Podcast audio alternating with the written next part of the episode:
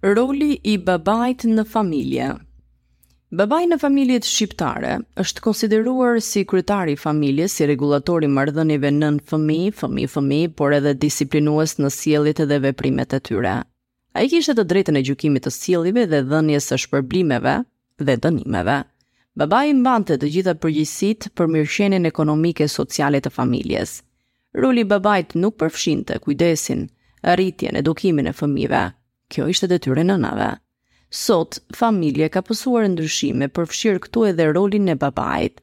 Babai është pjesëtar i mirërritjes dhe edukimit të fëmijëve. Vëmendja dhe dashuria e babait kërkohet nga fëmija, pavarësisht nga gjinia. Është shumë mirë nëse babai ka shumë kohë të lirë të cilën ai mundet t'i japë djalit ose vajzës së tij. Por në shumicën e rasteve, pasi të kthehet në shtëpi pas punës, babai ndonjëherë dëshiron të shikojë televizor, të lexojë një libër, edhe pse nëse do të ishim të vetëdijshëm për nevojën dhe vëmendjen tonë ndaj fëmijëve, mundet të veprojmë krejt të kundërt.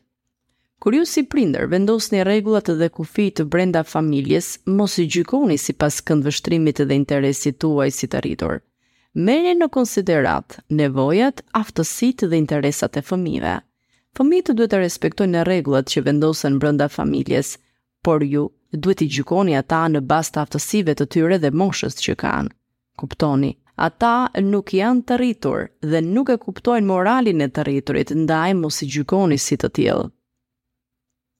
Një fëmijë ka nevojë për ushqim, strehim, veshmbathje, dashuri, ngrohtësi, kujdes, mbështetje, siguri, shoqërizim me bashkëmoshatarët. Roli i babait në plotësimin e këtyre nevojave është parësore. Babai nuk mundet vetëm të plotësojë kërkesën për strehim, ushqim dhe veshmbathje. Ai duhet të kuptojë sa e rëndësishme është prania, biseda, loja e tij me fëmijët. Vetëm kështu fëmija do të ndihet i dashur dhe i kujdesur nga të dy prindërit.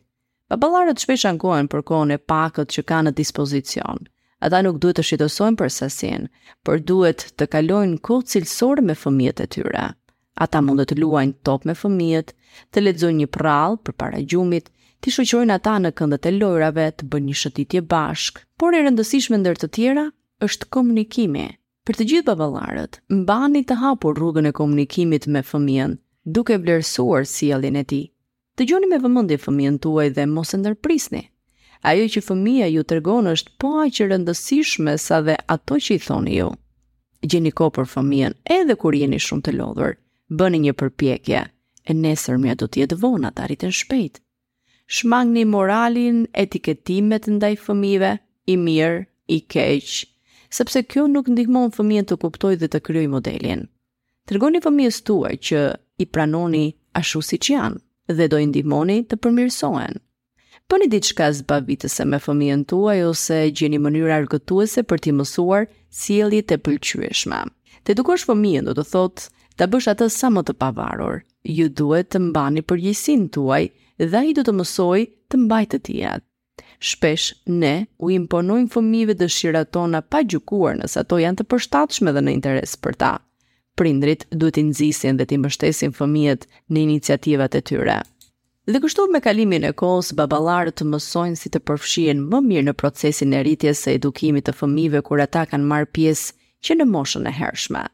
Dëshira dhe koha kushtuar kujdesit për fëmijën është dhurata më e mirë dhe më e vlefshme që mund t'i bëni. Ai ka dy prindër të aftë që kujdesen për të në çdo moment. Nëna, nga ana tjetër, ndihet shumë më mirë kur e di se në mungesë të saj do të jetë babai që kujdeset. Ky i fundit ndihet mirë që është pjesë e një procesi të rëndësishëm si mirërritja dhe edukimi i fëmijës. Çdo baba e realizon këtë rol duke kaluar më shumë kohë me fëmijën e tij. Është proces i gjatë edukimi i cili nuk mbaron asnjëherë.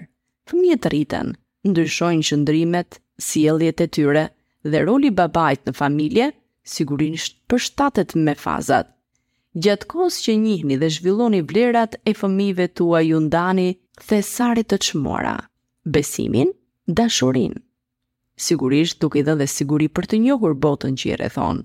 Në këtë mënyrë ju bëheni bashkudhëtar me fëmijët tuaj. Shpesh mund të pyesni veten, a jam një baba i mirë? Nuk ka receta për t'u bërë baba i përkryer. Nuk ka përse të shqetësoheni nëse jeni prind perfekt. Të qenit prind është proces i vazhdueshëm njohjeje i vetes dhe fëmijës. Rrugëtimi i babait, roli i tij, nuk ka kufi, ai mësohet dhe ushtrohet gjatë gjithë jetës.